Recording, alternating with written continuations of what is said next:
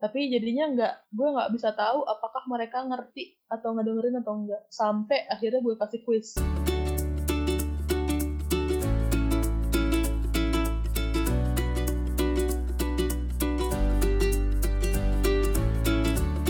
Halo lagi semuanya, balik lagi bareng gua Rafael dan Cipo dan Alfi di Kerikil seperempat abad. Gimana kalian kabarnya? Mudah-mudahan sehat-sehat aja ya di tengah peningkatan kasus baru pandemi ini. Um, stay safe kawan-kawan dan kami bakal tetap setia menemani hari-hari kalian dengan cerita-cerita seru dari manusia-manusia yang super keren ini. So, masih ngelanjutin bahasan dari minggu lalu sama Cipo dan Alfi, kita masih mau mengenal lebih lanjut ya tentang kehidupan mereka. Um, so ngelanjutin dari bahasa minggu lalu, terakhir kemarin tuh kita ngobrolin soal hobinya Cipo, passionnya Cipo, dan kita sekarang masih mau menggali sedikit demi sedikit ya kehidupan Cipo di dunia selam menyelamnya. So Cip, by the way berarti lu punya diving license kan? tentu Nah, itu uh, ceritain dong gimana cara dapetnya, terus kalau nggak salah di gradingnya kan ya kalau nggak salah diving license juga ya? Jadi awalnya gue itu pertama kali dapat license itu di kuliah. Mungkin kayak tingkat tiga lah, tingkat tiga kuliah di ITB. Gue juga bareng anak-anak Nautika, by the way. Shout out buat uh, unit uh, ITB Nautika. Nggak tahu masih ada atau enggak, hopefully mereka masih aktif ya. Um, ya anak-anak Nautika, kemudian by the end of the season gitu, kita bareng-bareng ngambil sertifikat ke Pulau Seribu. Terus itu tuh namanya um, open water. Sertifikat level pertama itu namanya open water. By the way, sertifikat gue tuh PADI. Jadi gue cuma tahu tingkatan-tingkatan di PADI Dive Center. Ada lagi uh, dive center apa namanya certification SSI. Ada juga uh, POSI kalau nggak salah. Kemudian ada beberapa sih. That's the, those are the two things that I can think of on the top of my head tapi gue tuh padi jadi gue cuma tahu uh, tingkatan berdasarkan padi. Anyway uh, yang pertama itu open water. Open water itu uh, setelah lo lulus open water lo bakalan boleh recreational dive ya buat buat uh, senang-senang aja gitu sehingga kedalaman 18 meter. Itu di situ lo bakal diajarin cara pakai masker, cara buka masker, cara napas, pokoknya dari nol banget tuh diajarin cara napas pakai mulut, bahkan cara berenangnya pun diajarin. Terus setelah itu tingkatan sel selanjutnya adalah advanced. Kalau lo udah ngambil advanced, lo boleh sampai 40 kilo, 40 meter ke bawah, di bawah laut maksimal. Nah, di level advance ini banyak specialized lagi. Ada yang mau ngambil nitrogen, misalkan karena jenis tabung, jenis udara di dalam tabung tuh beda-beda. Ada yang ada campuran oksigennya, ada yang full nitrogen, Nah itu untuk yang full nitrogen harus di uh, specialize lagi karena ngisepnya harus dikit-dikit karena bisa jadi nitrogen poisoning. By the way, correct me if I'm wrong kalau misalkan tiba-tiba ada diver yang dengerin terus merasa ini salah, correct correct me if I'm wrong ya.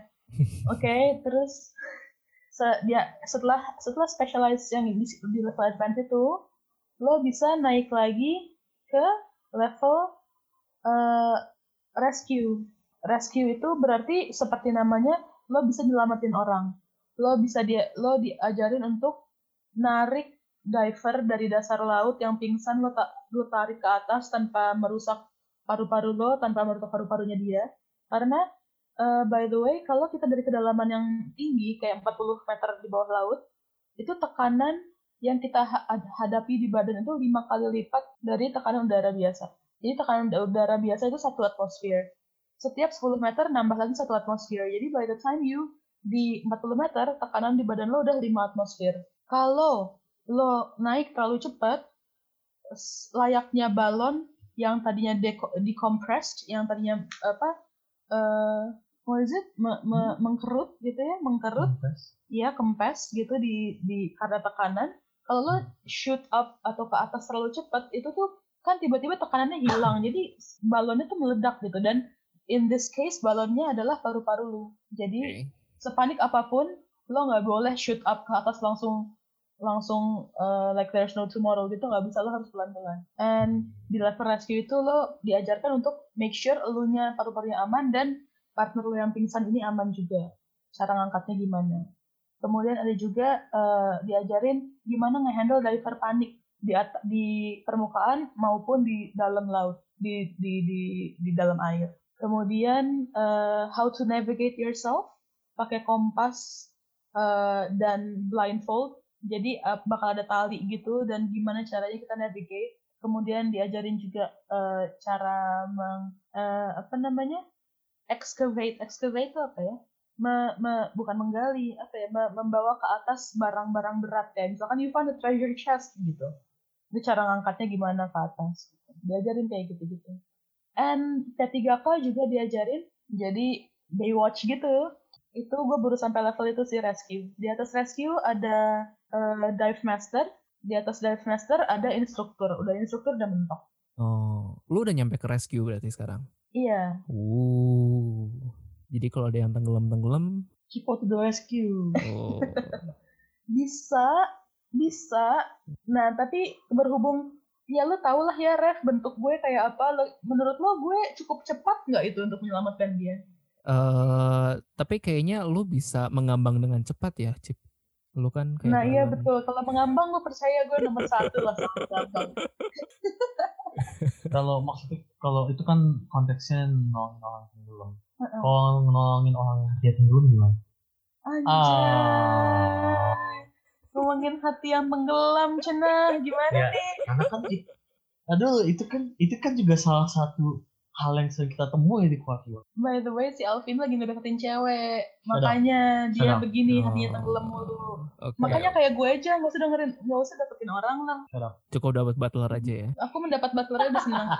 Kalau Revi, lo lo masih lo masih still going strong web sama masih dong. Your SO.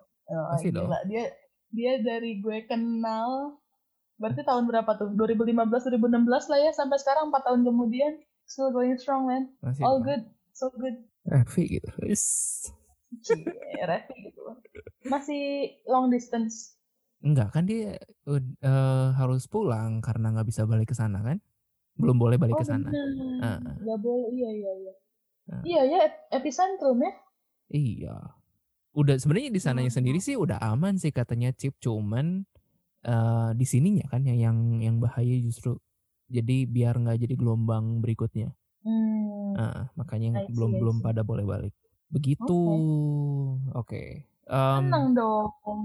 Ya, gitu deh. Maksudnya kan lagi di sini juga kan lagi bahaya. Jadi antara LDR dan tidak LDR gitu sebenarnya semi LDR mungkin maksudnya jadi kayak ya jadi kita berdua juga uh, nggak saling nggak sering-sering saling berkunjung gitu loh iya tapi nah. kan sebenarnya satu time zone sekarang Iya, yeah, that's the good thing. Makanya ya better tapi not the best gitu. Oke. Okay. Oke, okay, balik ke soal diving nih. Lu saking senangnya diving, lu lu sendiri sampai punya toko diving kan, Cip? Hey, betul betul betul. Gue punya gue membuka uh, dive center di Nusa Penida saking gue sukanya sama Nusa Penida. Okay. Zaman gue uh, skripsian, jadi gue skripsian di Nusa Penida itu saking di gue kalau tanya ke masyarakat lokal ya hmm. ada sih memang udah ada kayak tiga dive center gitu tiga hmm. kalau nggak salah tapi yang gue kasihan adalah mereka tuh listriknya masih dijatah pakai genset gitu. Jadi baru nyala dari jam 6 sore sampai jam 6 pagi. Itu 2014 loh dan itu di Bali loh. Nusa Penida pula ya? Iya maksud gue Nusa Penida memang pulau tersendiri. Cuma hmm. sebelah dia tuh Bali dan itu tahun 2014 dan mereka masih kayak gitu. Senjang banget gak sih? Kesenjangan sosial terasa banget kan? Oh maksudnya gue kira karena Nusa Penida tuh uh, salah satu pusat turis kan sebenarnya kan. Gue kira malah jadi kayak lengkap uh, apa kayak si alat-alat dan segala macamnya kayak sar sarprasnya gitu-gitu enggak ya? Pada saat itu yang masih jadi sorotan adalah Nusa Lembongan namanya. Dan Nusa Ceningan itu lebih kecil-kecil lagi. Oh. di sana benar-benar kayak pulau party gitu deh yang isinya klub-klub minum ya gitu deh. Oh iya. Sedangkan Nusa Penida sendiri yang paling besar itu pulau utamanya ya di kepulauan itu. Mm-hmm. Dia justru uh, ada dive center tapi sepi banget banyaknya pura gitu, banyak pura. Kemudian listrik masih dijatah pakai genset gitu deh. Hmm. Itu 2014. Oke. Okay. Tapi setelahnya dia booming parah. Setelah Cipo datang ya. Gak lama setelah yo lah, gila gue penglaris Hmm, kayak kucing kam kam cat itu yang biasa di toko-toko Cina. Betul, yang tangan gue naik turun naik turun gitu. terus terus gimana tuh? Iya, sejak saat itu uh, mas penduduknya ber apa bertani seaweed apa namanya itu seaweed rumput laut. Hmm. Nah terus gue ngeliat kan uh, ya masih ada orang-orang yang eh, nggak uh, punya kerja kemudian waktu itu juga dive dive gue partner skripsian gue ini adalah orang lokal gue nanya kan lu kalau misalkan nggak nggak ke sana lu ngapain? So, kalau yang ada gue terus dia bilang kayak ya kita nyari kerjaan lain aja lagi. Terus gue kayak dia udah jago banget divingnya kenapa nggak digunakan aja gitu? Jadi gue sama bokap gue ngebuka dive shop deh dive center di sana. Hmm. ya terus dia yang manage si mantan uh, partner gue ini yang manage. Jadi yang manage itu orang lokal. Hmm. kita cuma invest aja. Jadi memberdayakan mereka juga lah tapi udah nggak gitu. dibatas genset kan? Udah nggak. Iya iya betul. Udah nggak. Sekarang uh, seiring dengan berjalannya waktu terus penida jadi populer jadi uh, masuk deh infrastruktur. Udah bagus. Sekarang udah rame banget. Hmm. malah rame banget saking ramenya tuh mobil macet gitu loh. Itu aneh banget. Sebagai anak yang datang ketika nggak ada listrik melihat Nusa Penida rame itu kayak ih pergi aja dong. Boleh nggak? Gitu. Gue jahat gak? terus lo bilang ke laut aja sana gitu iya benar lo ke laut aja gitu terus dia kayak iya mau ke laut kan kita mau diving gitu Oke, sampai sekarang Cip masih? Usahanya masih ada sih, maksudnya PT-nya masih ada, orang-orang lokalnya juga masih ada di situ gitu. Tapi kan namanya juga lagi pandemi ya, hmm. jadi ya ya gimana? Antara Agak ada sulit. dan tidak ya. Betul, jadi memang tidak tutup, cuma ya tidak ada tamu gitu. Dan memang orang-orangnya juga orang-orang lokal di sana, jadi ya gimana? Nggak akan gimana ya? Nggak nggak bisa dirumahkan juga deh, memang itu rumah mereka gitu. Masalah kalau masalah gaji-gaji gitu Hmm, jadi lepasan semua sih. Tapi ya ya udahlah ya. Maksudnya kan pandemi gini ya mau dikata apa sih. Tapi by the way mm -hmm. si apa dive center ya si dive center ini nge-provide apa aja sih Cip? Dive center gue namanya by the way uh, uh, sedikit promosi namanya iya. adalah Nusa Penida Water Sport. Nah itu kita ya standar lah kita bisa snorkeling, bisa diving, bisa kita uh, tour, land tour, bisa ke sisi barat, bisa ke sisi timur. Itu biasanya milih tuh kalau mau sehari, karena sisi barat dan sisi timur tuh jauh banget. Kalau mau timur ya timur aja terus, barat ya barat aja gitu. Pemandangannya beda-beda. Ini gue agak lupa ya, tapi kalau nggak salah barat tuh yang kayak ini lagi-lagi gue sangat lupa karena gue dulu banget ke sana. Tapi kalau nggak salah sisi sisi barat dari Nusa Penida adalah tebing-tebing seperti Atuh namanya pantai uh, Atuh kemudian kalau di timur ada kayak apa tuh namanya Crystal Bay kemudian ada Kelingking Beach apalagi ya ada Angel Billabong yang gitu-gitu deh hmm. pokoknya itu pemandangan-pemandangan darat bisa digugurin aja pasti pasti keluar sih maybe not Nusa Penida Water Sport in uh, itself ya karena I don't think the uh, website is still going Uh, tapi lokasinya di uh, di Google Maps, di lokasi di Google Maps masih ada. Mm-hmm. Um, dan selebihnya ya foto-foto dari Google aja. Ah, I see. Terus uh, biasanya kan di Bali kan yang namanya water sport kan biasanya identiknya kayak yang itu loh, yang kayak banana boat dan bla bla bla. Lu ada juga kayak gitu-gitunya? Hmm, Hmm, tadinya tadinya sempat mau ada kerjasama sama orang di situ juga, uh. tapi kerjasamanya sudah berakhir sehingga sudah tiada lagi.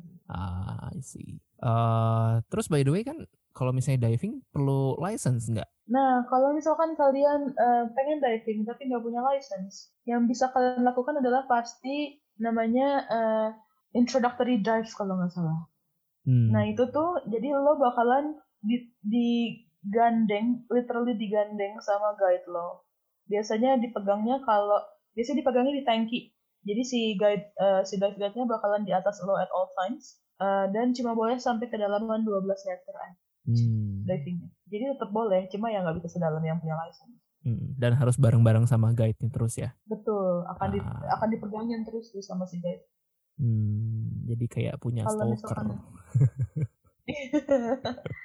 jadi kayak kayak ditenteng gitu kalau normalnya kan oh kita dive body aja gitu berenang samping-sampingan gitu tapi kan individually kalau tanpa license lo bakal ditenteng dipegang terus terus maksudnya lo waktu itu kan sempat uh, skripsinya di uh, dengan diving juga ya itu lo neliti apa emangnya sampai harus diving gue waktu itu meneliti uh, terumbu karang jadi waktu zaman itu hmm. baru di establish zonasi, sistem zonasi di Nusa Penida. Baru diresmikan uh, sistem zonasi itu kalau nggak salah setahun gitu.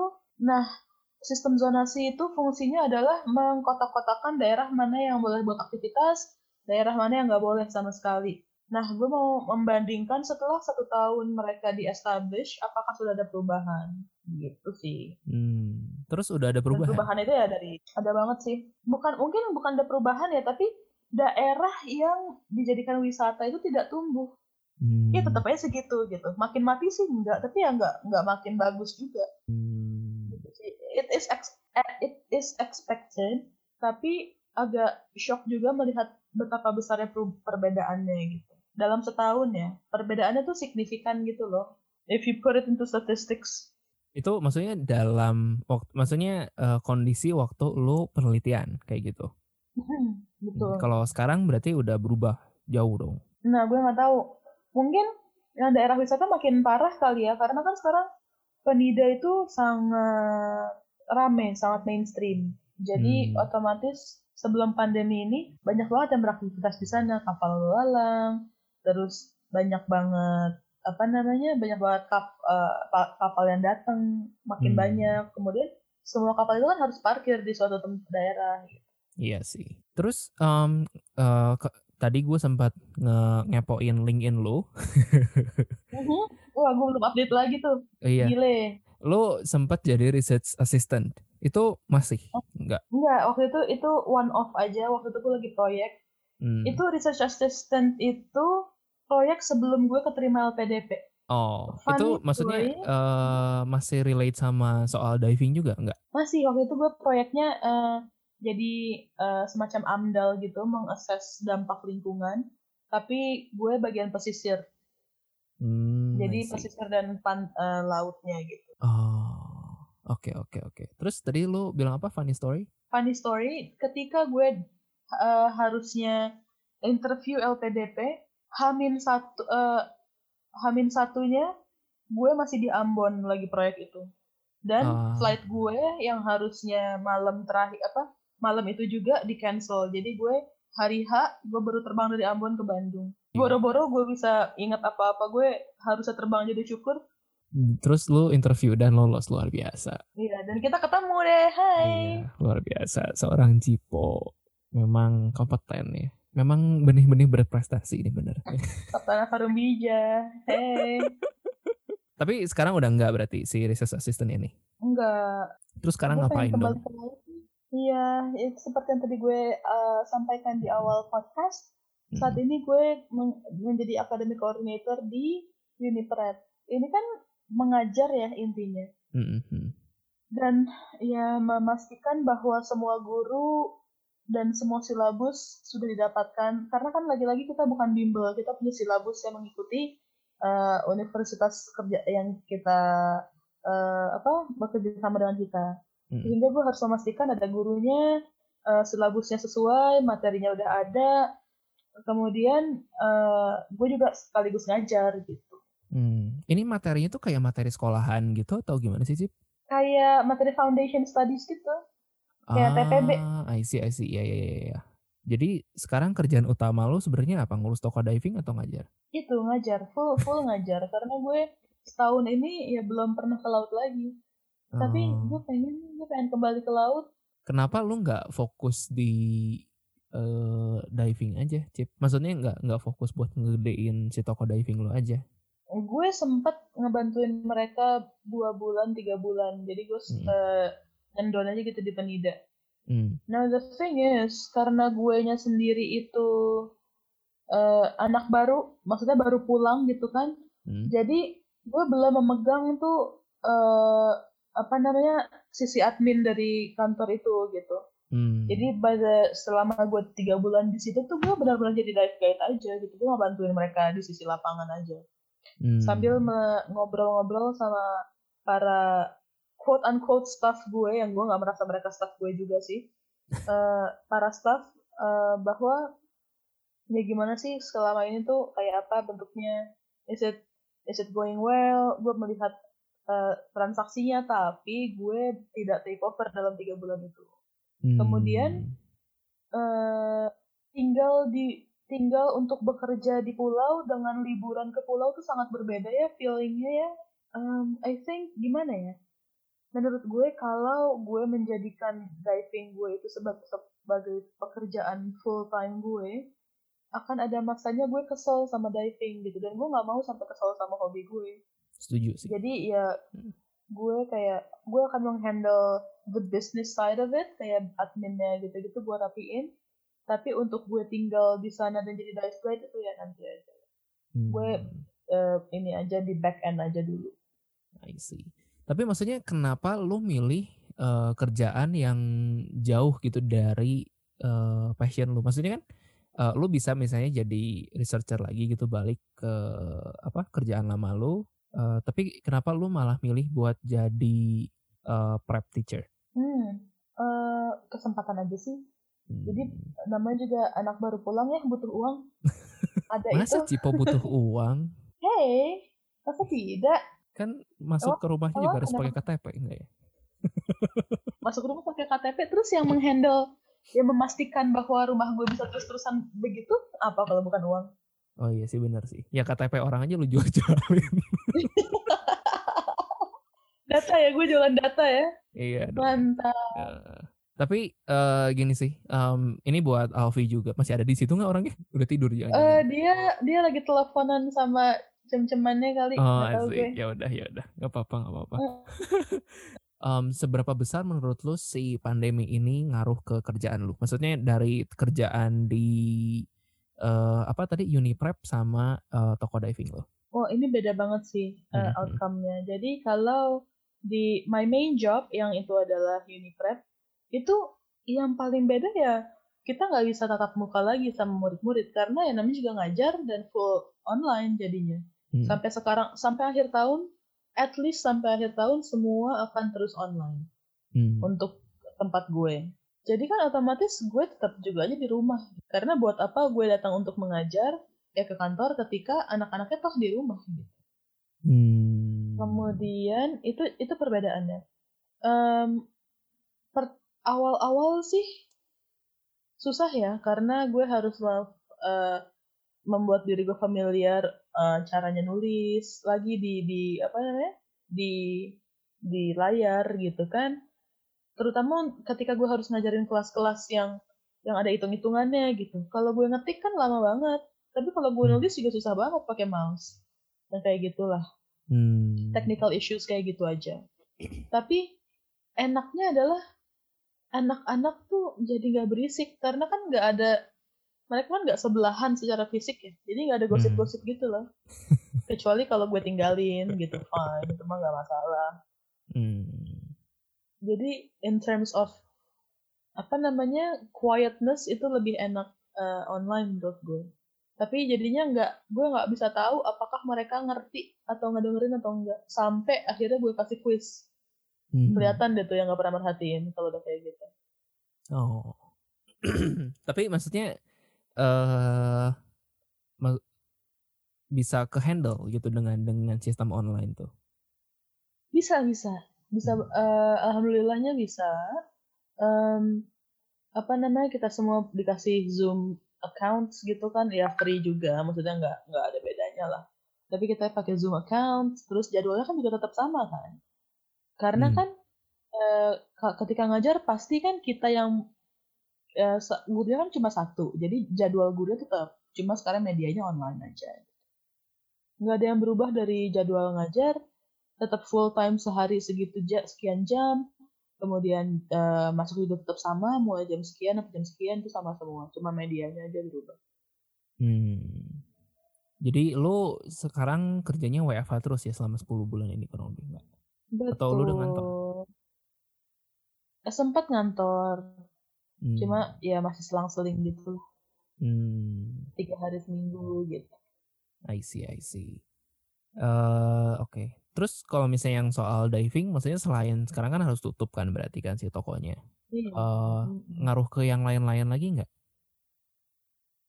Gue kasihan sama orang sananya sih, soalnya kan mereka memang orang lokal. Hmm. Yang tadinya nggak ada kerjaan atau kerjaannya serabutan, jadi punya kerjaan sama hmm. gue. Hmm. Tapi ketika gue harus tutup kan mereka mau nggak mau kembali serabutan, kasihan aja sih. Hmm. Gitu. Sempat clash nggak? Hmm, kolaps sih enggak, maksudnya sampai jual aset sampai harus gimana gitu enggak. Cuma jadinya ya dengan berat hati membuat semuanya menjadi pekerja lepasan. Kalau tiba-tiba ada tamu ya kita panggil dan kita kasih hmm. upah untuk ya jasa harian gitulah. Jadi jadi part time aja gitu. I see. Tapi emang masih ada yang datang? Dengan kondisi kadang-kadang yang kayak waktu masa transisi kemarin ada tuh orang-orang Jakarta datang. Oh I see. I see. By the way uh, itu kebanyakan masih orang-orang lokal maksudnya kayak orang Indo atau turis mancanegara gitu yang itu yang datang ke Nusa Penida situ? Saat pandemi ini? Uh, saat dan tidak kalau pas tidak, banyak kan uh, banyak asing. Hmm. Bahkan sekarang itu di sana banyak juga uh, dive center yang dikelola oleh asing gitu, milik asing. Oh, ya? sangat ya? sangat crowded lah, sangat uh. ya udah deh taringannya banyak banget sekarang. Saking terkenalnya gitu. Tapi ya saat pandemi gini kan ya otomatis nggak ada ya, karena kan uh, mancanegara rutenya ditutup semua. Iya. Terus kan rata-rata kan uh, tamu mancanegara di ke Bali itu kan dari Aussie ya. Aussie kan tutup border sampai akhir tahun depan ya. Betul. Nah, tahun ini deh kayaknya. Tahun depan loh katanya. Hah, akhir tahun depan masa sih? Iya katanya. Coba-coba nanti cek lagi. Katanya sih sampai akhir tahun depan loh, Cip. Waduh. Jadi Uh, ya gitu. Soalnya uh, teman gue ada yang sekarang lagi ngambil PhD kan di sana. Mm-hmm. Terus uh, iya dia bakal stuck sampai akhir tahun sampai sampai dia beres PhD-nya gitu dia bilang. Karena nggak buka flight iya, juga karena, tuh ya. Karena dia nggak bisa pulang ke sini. Sumpah. Uh, Kok kasihan, tapi ya. Cuman nggak tahu tuh uh, bakal bakal maksudnya kalau misalnya seandainya nih tiba-tiba nanti kondisinya tiba-tiba membaik dan cepat membaik nggak tahu bakal dipertahanin atau enggak gitu. Hmm. Tapi maksudnya kan ngelihat kondisi Indonesia masih kayak gini kayaknya kemungkinan sih. Gimana masih ya? lama ya kayaknya ya. Hmm, Minimal hmm. membuka kepada dunia tapi Indonesia nggak termasuk gitu kan. Hmm. Tapi ya gitu sih Cip. Maksudnya kan ini emang kondisinya lagi kayak gini mau gimana ya? Menurut lu maksudnya sekarang kan uh, otomatis banyak kerjaan-kerjaan yang uh, kena dampak lah ya karena pandemi ini. Cuman um, menurut lu bagus lu eh bagusnya gimana nih cara menyikapinya? Dari maksudnya sebagai seorang uh, both business owner kan lu dan sebagai uh -huh. seorang employee iya. ini gimana ya menyikapinya ya? Gue juga agak bingung. Karena gini uh, syukurnya uh, pekerjaan gue yang gue sebagai employee ini tidak terlalu terdampak. Maksudnya pendidikan akan jalan terus gitu. Telah terbukti pendidikan tetap berjalan meskipun pandemi. Jadi uh, untungnya masih ada pemasukan lah buat gue sebagai employee. Nah, tapi dari sisi uh, business owner, itu otomatis tidak ada pemasukan dong. Tidak ada pemasukan, tapi uh, setidaknya cost untuk listrik ada dong. Hmm. Gitu. Meskipun kecil ya, meskipun cuma buat lampu sama air gitu. Tapi ada kan gitu. Jadi hmm. uh, di situ sih menggerus menggerus modal bisnis. Um, saat ini ya kita bersabar aja sih maksudnya sebagai business owner ya uh, gue mengerti lah bahwa tuh, gimana kita tuh di bidang jasa dan tidak ada tamunya gitu kita bisa apa coba?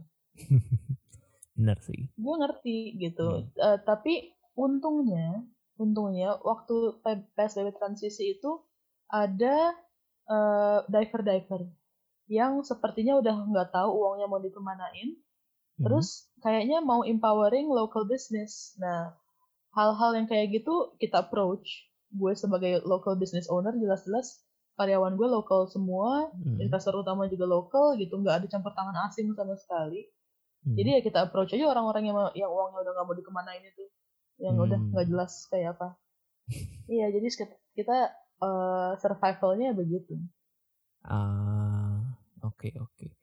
tapi um, tapi ya usaha lu susah sih Cip maksudnya kan emang nggak bisa dipakai online juga kan maksudnya nggak bisa nggak bisa dijadiin online juga ya nggak sih nggak bisa uh. atau mungkin nggak ya maksudnya lu ngada ngadain aja. kelas diving online nggak mungkin kan nggak mungkin teori doang bisa tapi ya terus gimana hmm. Iya sih. Gitu eh, by the way, si ini lu ngasih apa bisa nge-provide license juga nggak sih toko lu? Enggak ya? Ah, enggak nih. Belum belum ada yang yang instructor di di tempat gue. Hmm. Jadi belum boleh belum boleh ngasih hmm. sertifikasi. Hmm. Lu nggak berniat buat kerja sama sama yang apa? Dari apa tadi lu bilang padi ya? Iya. Uh. Kita bisa sih kayak mengempower uh, apa namanya? Punya kita apa namanya orang-orang lokal gitu. Kita sekolahin quote unquote sekolahin sampai jadi instruktur. Terus hmm. dengan loyalitas maksudnya ada kontraknya lagi sampai berapa tahun lah harus sama kita gitu gitu. Hmm. tapi ya nantilah setelah pandemi iya karena sih. ya sekarang dari mana juga resource-nya. Hmm, kalau ini btw ini si Alfi lagi masak nih sambil dengerin lagu-lagu. Lo mau nanya dari aspek dia nggak? Oh, boleh kalau misalnya dia sudah kembali ini ada di depan gue. Dia nyampein gue apa? Iya Vi, jadi kita tuh lagi ngobrolin nih, uh, kan banyak kerjaan-kerjaan yang terdampak karena pandemi ini, dan mungkin salah satunya kerjaan lu juga kan. Uh, hmm. Menurut lu bagusnya gimana nih cara menyikapinya? Hmm, hmm. Uh, sebetulnya kalau gue ngomong gini akan terdengar dengan sangat ironis sih, karena gue juga banyak nggak well preparednya. Tapi ya itu sih. Justru uh, itu jadi aspek lain gitu loh. Sudut pandang yang terdampak beneran nih terdampak beneran kan kalau dia. uh, di satu sisi ada orangnya kayak gue gue itu nggak terlalu apa ya kalau dibilang gue terlalu terlalu nyantai. I'm not well prepared for hmm. the worst case like this one the current one which is being told that I'm gonna be on an unpaid leave at least until the new year paling cepat dan gue rasa ya emang yang paling harus di apa ya ya sedia payung sebelum hujan lah lebih ke arah situ aja kalau gue sih pada sebelum sebenarnya general sih nggak nggak ada yang ini banget hmm. menurut menurut gue sendiri ya hmm. nggak hmm. terlalu unik kalau misalnya ditarik ke kerjaan lo nih Vi kan tadi lu hmm. bilang kayak dia payung sebelum hujan. Kayak contoh konkretnya mungkin seperti apa, Viko misalnya yang yang bisa lu lakukan. Kalau misalnya uh, lu kan sekarang bilang lu kurang emang emang nggak well prepared, tapi se se seandainya lu tadinya itu well prepared, apa yang bakal lu lakukan? Gue ada jualan kopi waktu itu. Gue juga apa bisa banyak macem-macem lah. Gue saat ini nggak ada SIM C sebetulnya, karena gue okay sebetulnya gue pengen bisa nge-grab sih atau nge-gojek karena ya by any means necessary I have to survive. That's what mm-hmm. on my mind. That's what's on my mind. Ya, I don't I don't even care. Bahkan kayak ada yang nawarin bangun itu mungkin bisa gue jalanin. Atau mm-hmm. mungkin kayak let's say contoh contoh kasar aja kayak Dita ternyata tiba-tiba nawarin gue Vi lu mau ini enggak bantuin gue yuk beresin rumah kayak apa kayak ngapain kayak? Uh. tar tar ada ada ya nih lumayan nih. Oh. gue pasti gue ambil Gak peduli mau dia teman gue kayak mau gimana kayak. Oke, itu kode tuh Cip. Iya betul, gue sadar dia, gak, gak, gak, dia minta gue bayar, kan jadi bantuan gue. yo yo yo, gue hampir keceplosan. Bagus nih, Kagak lu sih. Aduh, nih gue digeplak, men. Gimana nih yang password gue? Enggak deh, enggak, enggak, enggak. Enggak kok, kita kan sangat berteman. Iya, iya, iya. Hmm, ah, Oke oke. So basically eh, nyiapin kayak eh, plan B, plan C dan seterusnya ya sebelum kayak lo menerima si worst case-nya gitu ya. Mhm. Kayak gue tuh pintar ngomong, gue pintar mikir, tapi gue nggak pintar ngelakuin.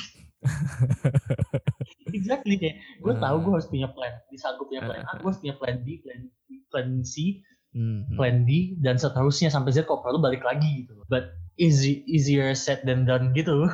Ah, iya iya setuju setuju setuju. Lo persis sama gue makanya gue bikin podcast karena gue nggak bisa ngelakuinnya jadi ngoceh-ngoceh aja gitu. Vi. Tapi eh, maksudnya sekarang eh, sekarang kan maksudnya lo udah terlanjur kecemplung nih ke worst case-nya kan. Em, jadi ada nggak misalnya kayak usaha-usaha yang lo lakukan selama lo kecemplung ini buat eh, apa ya kasarnya recover gitu? So far lebih ke ini sih, apply apply dulu aja. Sama gue lagi coba ngomong sama investor gue buat gimana kopi mau dilanjutin lagi apa enggak. Terus Gitu. kurang lebih Gitu. prospeknya gimana tuh Vi sejauh ini? Hmm, so far sih belum. Cuma ada salah satu emang eh, beberapa temen gue yang punya coffee shop dan Hmm.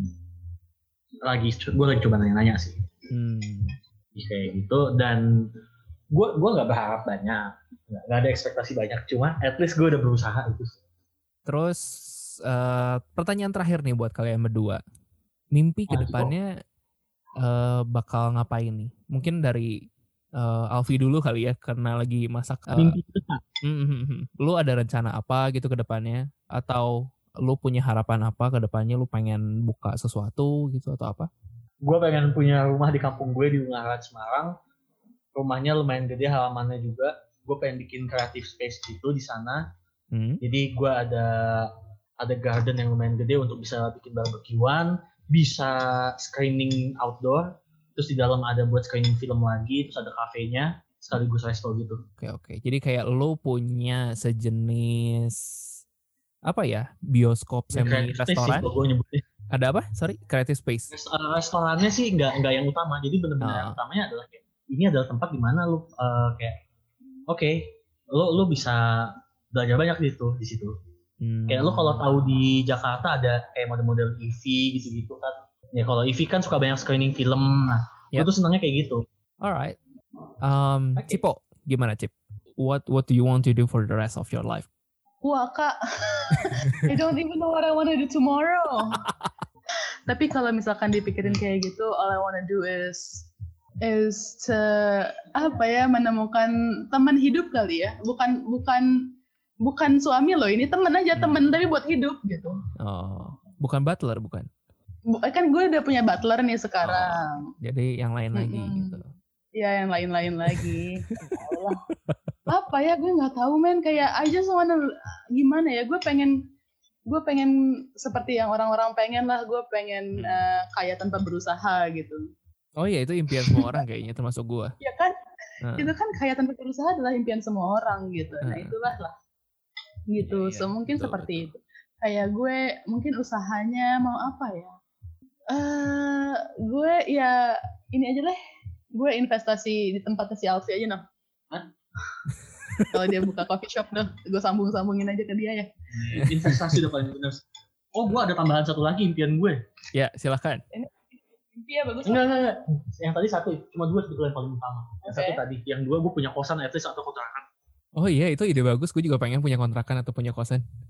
Ya, Iya. eh, sounds simple, but itu berkepanjangan sih. Bisa dua Iya, sampai betul. tiga generasi kalau lu pintar maintain. Iya betul, Iya benar. Betul. Itu kayak, eh iya gue juga pengen tuh punya kosan. Tapi kayaknya modalnya. Eh, Ya, semoga lah ya, semoga. Iya, amin. Tapi eh Cip, jadi pengen punya teman hidup nih. Iya beb, cariin lah. Ada Tinder kan? Tin, ya menurut lo gue ketemu si manusia ini dari mana? Eh, Enggak sih, gue nggak dari Tinder sih. I don't play Tinder. waktu itu gue nggak main Tinder. Oh, dari Jadi ya, FJB tapi ITB. FJB ITB yang jualan yang sih jualan pesawat ya FJB ITB. Kita joknya lokal sih siapa yang tahu FJB ITB coba? ya anak ITB lah.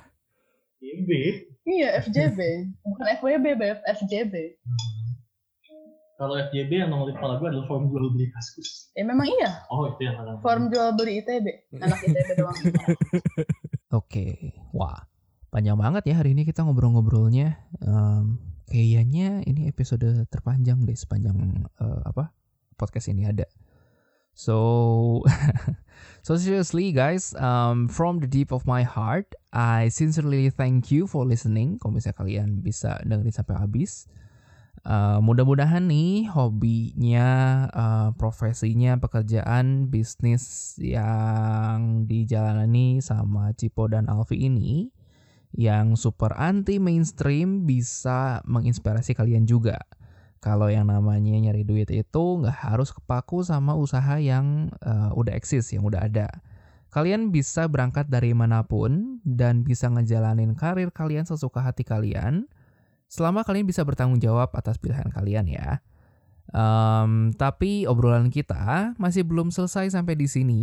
Kita masih bakal ngobrol-ngobrol lagi, lebih seru lagi di episode-episode berikutnya. Masih sama Cipo dan Alfi juga. Em, dan buat yang pengen tahu lebih lanjut tentang em, kami-kami, bisa cek ya nanti di description box em, episode ini. Gue udah taruh link-link ke sosial media kami. Jangan sungkan-sungkan buat kontak kami juga kalau misalnya kalian ada sesuatu yang eh, pengen ditanyain atau kalian tertarik pada sesuatu dari kami. Em, langsung aja DM kita, nggak usah eh, takut-takut.